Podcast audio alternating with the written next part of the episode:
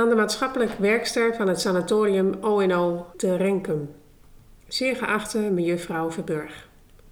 Zou ik u beleefd mogen verzoeken om een opgave, net als verleden jaar, van het aantal rooms-katholieke gerepatrieerde patiënten, terwijl momenteel nog in het sanatorium ONO wordt verpleegd? Maar dat is eigenlijk heel bijzonder, want jij wordt daar aangeschreven als de maatschappelijk werkster van Sanatorium ONO. Jij was dus blijkbaar aangesteld als speciaal maatschappelijk werkster van Oranje Nassausoord. Ja. Ja, en dat was maar goed ook. Waarom? Want die directeur van ONO, Mm Dokter Van Dijk. ja, die eh, was soms niet zo aardig voor de patiënten. En er was een hele doodzieke man. Hij had één, nog maar één long. En die wilde heel graag naar Haarlem. Maar dat wilde die dokter Van Dijk, die wilde dat niet hebben. En ik vond het zo gemeen. Ik was nog een snotneus eigenlijk, hè. De, de directeur en jij als meisje van 22? Ja, 23 ik was jaar. voor de, voor de duivel niet bang hoor. Nee? Nee, ik was heel. eh, nee. Ik was helemaal niet bang voor die man.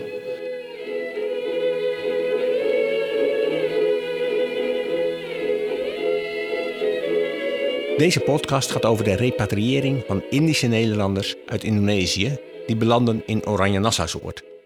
Dat is een sanatorium dat vlakbij het Gelderse dorp Renkum ligt, maar nog net valt onder de gemeente Wageningen. De aanleiding om dit verhaal uit te zoeken zijn de ervaringen van mijn moeder als maatschappelijk werkster met deze repatrianten. Mijn naam is Anton van Rensen en dit is de podcast Oranje Nassausoord als huis van aankomst. In deze aflevering belicht ik de rol van de overheid.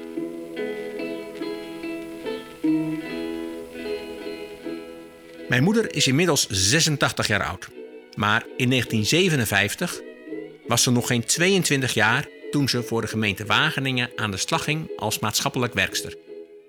Getuige de aanhef van de brief die zojuist werd voorgelezen, was ze speciaal aangesteld voor die hulp aan die repatrianten uit Indonesië in Oranje Nassausoord.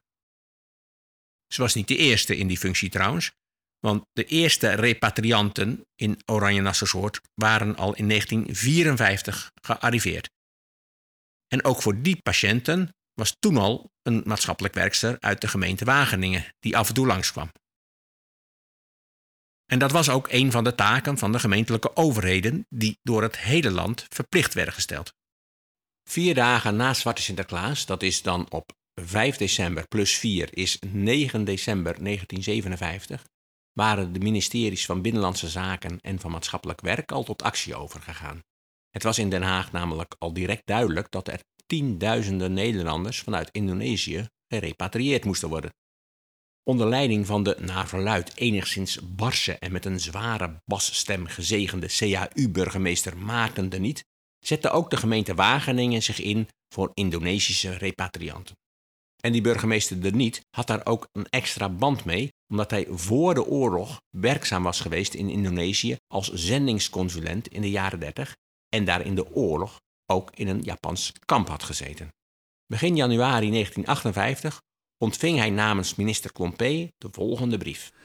Voor de provisorische huisvesting en verzorging van een groot aantal gerepatrieerden dat daartoe een beroep op de overheid doet, zal derhalve een andere oplossing dienen te worden gevonden, namelijk door onderbrenging op vrijwillige basis bij particulieren en voorts door het benutten van kleinere beroepspensions. Ik roep uw medewerking in bij de hulpverlening aan gerepatrieerden die niet of onvoldoende in hun levensonderhoud kunnen voorzien en of niet in staat zijn om de door hun repatriëring noodzakelijk geworden voorzieningen zelfstandig te treffen. Drie maanden later waren nog steeds niet alle repatrianten onder dak. Een van de problemen was het hoge aantal tuberculosepatiënten dat zich onder deze repatrianten bevond. Blijkt uit een ANP-radiobulletin van 4 april 1958. Onderhandelingen zijn nog aan de gang over de aantrekking van pensionruimte met in totaal bijna 1300 bedden. In het schrijven van minister Klompé wordt verder meegedeeld dat het aantal verdachte tuberculosegevallen onder de repatrianten zeer hoog is. Het is ruim tienmaal hoger dan onder de Nederlandse bevolking. Het percentage dat onmiddellijk of na nader onderzoek in sanatoria moet worden opgenomen, ligt in verhouding ook hoog. Van de eerste 6200 repatrianten was dit met 67 het geval. Bij de medische verzorging is aan dit probleem bijzondere aandacht besteed wegens het risico dat het vormt voor de Nederlandse samenleving. In Nederland zelf vormde de tuberculose de laatste jaren geen probleem van grote orde. Het tuberculoseprobleem zal daarom, aldus minister Clompé, nog voortdurend de aandacht houden. Hoe handelde de overheid nou met die repatrianten, met die uiterst besmettelijke en potentieel dodelijke ziekte? Nou, die overheid die ondernam al actie voordat de boten met repatrianten arriveren. Per vliegtuig werden artsen, verpleegsters, pastoors, dominees, humanistische raadsliederen en ook maatschappelijk werksters naar de havenplaats Aden in Zuid-Jemen gevlogen. En daar gingen ze aan boord van de schepen die op weg waren naar Nederland. En daar werd al snel duidelijk dat er veel TBC-patiënten aan boord waren. En voordat zij in Rotterdam aankwamen, waren ze al verdeeld over de sanatoria die Nederland nog rijk was. Dat blijkt bijvoorbeeld uit een passagierslijst van de SS Zuiderkruis. Aan boord bevonden zich tientallen TBC-patiënten. En van hen werden er twintig voor Oranje Nassausoort geselecteerd. En ze waren in de leeftijd van 35 tot 90 jaar. Duidelijk was dat de Nederlandse gezondheidszorg heel alert was. Historica Jet Spits hoorden we eerder in aflevering 1, waar ze vertelde over wat tuberculose eigenlijk voor een ziekte was. Maar wat deed de overheid eigenlijk wanneer ze een infectie op het spoor was? Nou, de tuberculosebestrijding zat daar bovenop, dat kan ik je wel vertellen. Dus die mensen werden op de verschillende consultatiebureaus, want er waren speciale consultatiebureaus voor tuberculose, daar werden ze gecontroleerd. En in 1958 kwamen er mensen uit Indonesië en die werden gecontroleerd. En daaronder bevonden zich 280 gevallen van tuberculose en 450 mensen die verdacht werden. En um, die mensen die verdacht werden, die werden dus uh, voor periodieke controle uitgenodigd op consultatiebureaus. En um, de, de, de frequentie van tuberculose, dus het aantal keren dat het voorkwam, was vergeleken met de Nederlandse cijfers heel erg hoog. Nou, dat, uh, dat was uh, wel, ook wel de verwachting. Um, en de groep mensen die in observatie werd genomen, daarvan werd verwacht dat, er, uh, dat de tuberculose daarna um, zeker terug zou komen. Want tuberculose is een ziekte die kan heel lang wegblijven, zelfs wel 50 of 60 jaar. Dan gaat die bacterie een poosje ondergrond. En daarna kan het ineens weer terugkomen. Dus de mensen die werden in observatie gehouden. Um, maar um, ik heb hier een, een, verslag van een tuberculosearts uit Tilburg. Die had een aantal van dit soort mensen onder zijn, onder zijn patiënten. En die meldde in het uh, blad tegen de tuberculose dat uh, een aantal van deze patiënten uh, zich onttrokken aan regelmatige of voortgezette controle, zoals hij dat noemde. En hij had daar twee redenen voor. Hij zei dat de repatrianten aan een dergelijke precisie op het gebied van de gezondheidszorg, zoals hij dat noemde, niet gewend waren. En um, die zorg daarom als overbodig beschouwde. En hij zei ook, ja, die repatrianten die verhuizen heel vaak in de eerste jaren in Nederland. Want die zijn bezig om een plek te vinden. Um, ze zoeken een uh, goede huisvesting, ze zoeken werk. Dus die veranderen nog wel eens van adres. En dan raken ze uit het zicht van die consultatiebureaus. Dus daar maakte men zich daar wel een beetje zorgen over. Toch waren veel repatrianten ook wel in beeld, ook na aankomst. Ene mevrouw Rosalie Peperzak bijvoorbeeld, die we in volgende afleveringen nog zullen tegenkomen als goede bekende van mijn moeder. Zij werd eerst geplaatst in een huis van aankomst in Velp bij Arnhem. En dat was Huizen Montebello, een villa met koetshuis die tegenwoordig als woonvoorziening voor ouderen dient.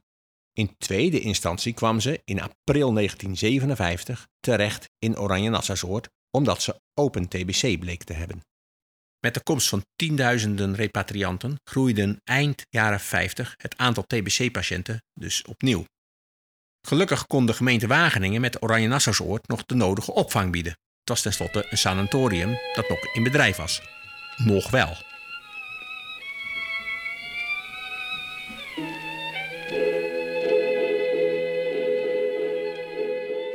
Bij de opvang werd ondertussen duidelijk onderscheid gemaakt tussen Indische Nederlanders die een wat westerse oriëntatie hadden en degene die sterk oosters georiënteerd waren. En dat waren de zogenaamde probleemgezinnen. De eerste zouden na verwachting snel integreren. De tweede groep had extra aandacht nodig. En onder degenen die TBC hadden, vielen mensen uit beide groepen. En die kwamen dus ook allebei terecht in Oranje Nassausoord. En een belangrijke rol bij het begeleiden van deze groepen repatrianten vervulde de maatschappelijk werkster. En in Wageningen was dat dus die 22-jarige Corrie Verburg, pas afgestudeerd aan de School voor Maatschappelijk Werk in Utrecht. Zij had als taak de repatrianten uit Indonesië op te vangen. En dat viel haar niet altijd makkelijk om contact te onderhouden. Daar kwamen die Indische Nederlanders allemaal. En dat was dus gemeente Wageningen. En die moesten allemaal ingeschreven worden in de, in de burgerlijke stand van Wageningen. En dan moest ik. Uh, die mensen die spraken geen woord Nederlands. Die kwamen wel uit Nederlands-Indië, maar dat waren gewoon van die Maleis sprekende mensen die. En die spraken geen Nederlands. Jij kon ze wel verstaan? Dat denk ik wel, de meeste wel, maar niet allemaal. Maar, jij, maar Lees is niet zo goed. Nee, nee. Ik wist alleen maar een paar zinnetjes. Ik vroeg dan aan ze, waar komt u vandaan? Kamudari Mana. En dan, uh, dan zeiden ze, dan waren ze al heel verbaasd als ik dat vroeg. En dan zeiden ze, nou ja, dan antwoordden ze, from Indonesia. Ik moest die mensen inschrijven in de burgerlijke stand. Dat deed jij zelf? ja. Dan ging je op bezoek in Oranje Nassau en dan? Schreef ik naam en adres en dan moesten ze allemaal opzoeken.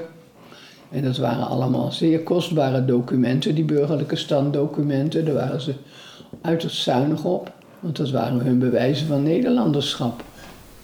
En dan mocht ik al die gegevens uit opschrijven, de geboortedatum en zo. En, uh, ja, en dan, kregen ze, dan kwamen ze in het systeem van de Nederlandse wetgever. Hè? Die obsessie met het bewijs van Nederlandschap, zoals dat heette, dat herken ik uit het gesprek met Margaret Leidelmeijer van het Indisch Herinneringscentrum. Ik ken één verhaal van uh, uh, een meneer, die was uh, ook heel erg bang. En ehm, die was op een gegeven moment zo blij dat hij dat bewijs van Nederlanderschap van voor 1892 had kunnen bemachtigen. En toen hij in Nederland was, had hij dat bewijs altijd bij zich. Hij was heel erg angstig van het moment dat mensen hem zouden aanhouden. En uh, ze kunnen zeggen, ben jij wel Nederlander? Dan kan hij het bewijs laten zien, dan zou hij niet teruggestuurd worden. En dat had hij altijd bij zich. En dat toont gewoon hoe, uh, hoe gevoelig dat ligt en hoeveel angst er in die mensen zitten. En wat dat sanatorium zelf betreft, de komst van nieuwe patiënten hielp Oranje Nassausoord deels uit de financiële problemen. En het was ook een beetje een uh, leegstaande kliniek. Want die uh, dokter Van Dijk, die was daar wel directeur, maar die had amper patiënten. Want het TBC, dat was eigenlijk al onder controle. Okay. Als ik me goed herinner, ja. Met dit sanatorium voor tuberculosepatiënten op zijn retour, onder leiding van internist longarts Charles van Dijk, moest de gemeente Wageningen het doen. Een geneesheer-directeur die volgens mijn moeder dus niet zo aardig was. Maar daarover hoor je meer in de volgende podcast. Maar het werkte. Vanaf januari 1958 arriveerden er tientallen nieuwe TBC-patiënten. En dat het aantal patiënten groeide, komt overeen met de aantallen bezoeken die mijn moeder aan Oranje Nassausoord bracht als maatschappelijk werkster. In december 1957 waren dat er 63. In januari 1958 waren dat er 73. En in februari dat jaar bezocht ze 90 mensen. Maar vol zat de instelling nog niet. Op de eerste lentedag van 1958 verstuurde dokter Van Dijk een overzicht aan de medisch adviseur van het ministerie van Maatschappelijk Werk. Er was nog plek voor 18 vrouwen, 11 mannen en 18 kinderen met TBC in Oranje Nassausoord. En een paar jaar eerder had Van Dijk nog heel blij gereageerd op de komst van een aantal nieuwe patiënten. Nou was Oranje Nassausoord en is een prachtig bosrijk landgoed aan de grens van de gemeente Wageningen. En het was goed geschikt voor TBC-patiënten om er te genezen. Maar wat is nou eigenlijk de ontstaansgeschiedenis ervan? Heel kort vertellen de drie voormalige verpleegsters van O&O, Gerry, Gerda en Miep, over die geschiedenis als ik hun spreek over hun vroegere werk. Het paleis noemden wij dat in het gebouw zelf. Jullie noemden het een paleis? Dit, dit O&O was het officiële paleis. Het, na- de, de vakantieverblijf van koningin Emma. Ik voor je liggen. Ja. Beneden in, die, in dat keukentje waar wij de nachtdienst de maaltijd opwarmden, daar stonden zilveren borden van, van koningin Wilhelmina. Het was een paleis van koningin Wilhelmina. Nee, van Emma. Van Emma. Emma heeft het gekregen als Ja, van buitenverblijf. Maar, Ja, ja. maar van Wilhelmina stonden al die borden. Ja. En er stonden kandelaars in de eetzaal, ook met die mooie wee erop. Ja, dus ze zijn laatst nog een keer tevoorschijn gekomen. Ja, ik, ik ben ook wel eens van plan om ze mee. Dat ik zei van zullen we ze meenemen? Niemand kijkt er toch naar. Op initiatief van koningin Emma werd Oranje Nassausoord inderdaad omgebouwd tot een sanatorium. In de jaren 50 was haar dochter, prinses Wilhelmina, nog steeds bij het sanatorium betrokken. Zij koos tot aan haar overlijden in 1962 de leden van de Raad van Commissarissen. En over het algemeen waren dat jonkheren en andere mannen van adel. Ook was het de prinses, in 1959, toen 79 jaar oud, die de herbenoeming van geneesheer-directeur Van Dijk in hoogst eigen persoon goedkeurde. De komst van veel extra zieke repatrianten betekende voor de gemeente Wageningen een hoge kostenpost. Gelukkig mochten ze de meeste kosten declareren bij de dienst maatschappelijke zorg van het ministerie van minister Klompé, het ministerie van Maatschappelijk Werk dus. Maar dat gold niet voor alle verpleegkosten. Sommige patiënten moesten zelfs een deel daarvan betalen. Voor mevrouw Rocqua bijvoorbeeld, die vier jaar in de Oranje Nassausoord verbleef, maar daarvoor al in een ander ziekenhuis had gelegen, leidde dat tot een schuld van een kleine 20.000 gulden. En die schuld zou ze met haar kleine weduwepensioentje van 160 gulden in de maand nooit of te nimmer kunnen afbetalen. En aanvankelijk had dat dus grote gevolgen voor haar kinderen. Later werd die grote schuld alsnog kwijtgescholden. Dus volgens mij was er wel sprake van zakgeld, maar de oudste hun inkomsten ja, eigenlijk uitgaven aan haar ziekteverblijf. Dus die konden niet hun eigen inkomsten houden in die zin. Toen om, ja, om toch die schuld af te betalen van haar. Dus dat was wel, was wel opvallend. Jouw grootvader was al aan het werk Ja. samen met zijn broer. Ja. En de inkomsten die zij verdienden moesten afgedragen worden. ja, ik geloof het wel, ja. Wel kregen maatschappelijk werksters in gemeenten, dus mijn moeder ook in de gemeente Wageningen, de taak om gerepatrieerde TBC-patiënten te voorzien van zakgeld en fruitgeld. Daarnaast keerde de gemeente meubelvoorschotten uit, maar die moesten worden terugbetaald. En die voorschotten die werden gegeven aan TBC-patiënten die werden ontslagen en die zouden verhuizen naar een eigen woning. Die voorschotten varieerden van ruim 900 tot soms meer dan 3000 gulden. En ook dat geld kregen ze uitgereikt via de maatschappelijk werkster, die de gemeente speciaal voor Oranje Nassausoord had aangesteld. En dat was dus mevrouw Verburg, mijn moeder. Daarmee zijn we aangekomen bij het dagelijks leven in Oranje Nassausoord. Maar daarover horen we in de volgende podcast. Enthousiaste verhalen uit de mond van de drie oudverpleegsters, maar heel wat mindere verhalen van een voormalige TBC-patiënt uit de Molukken.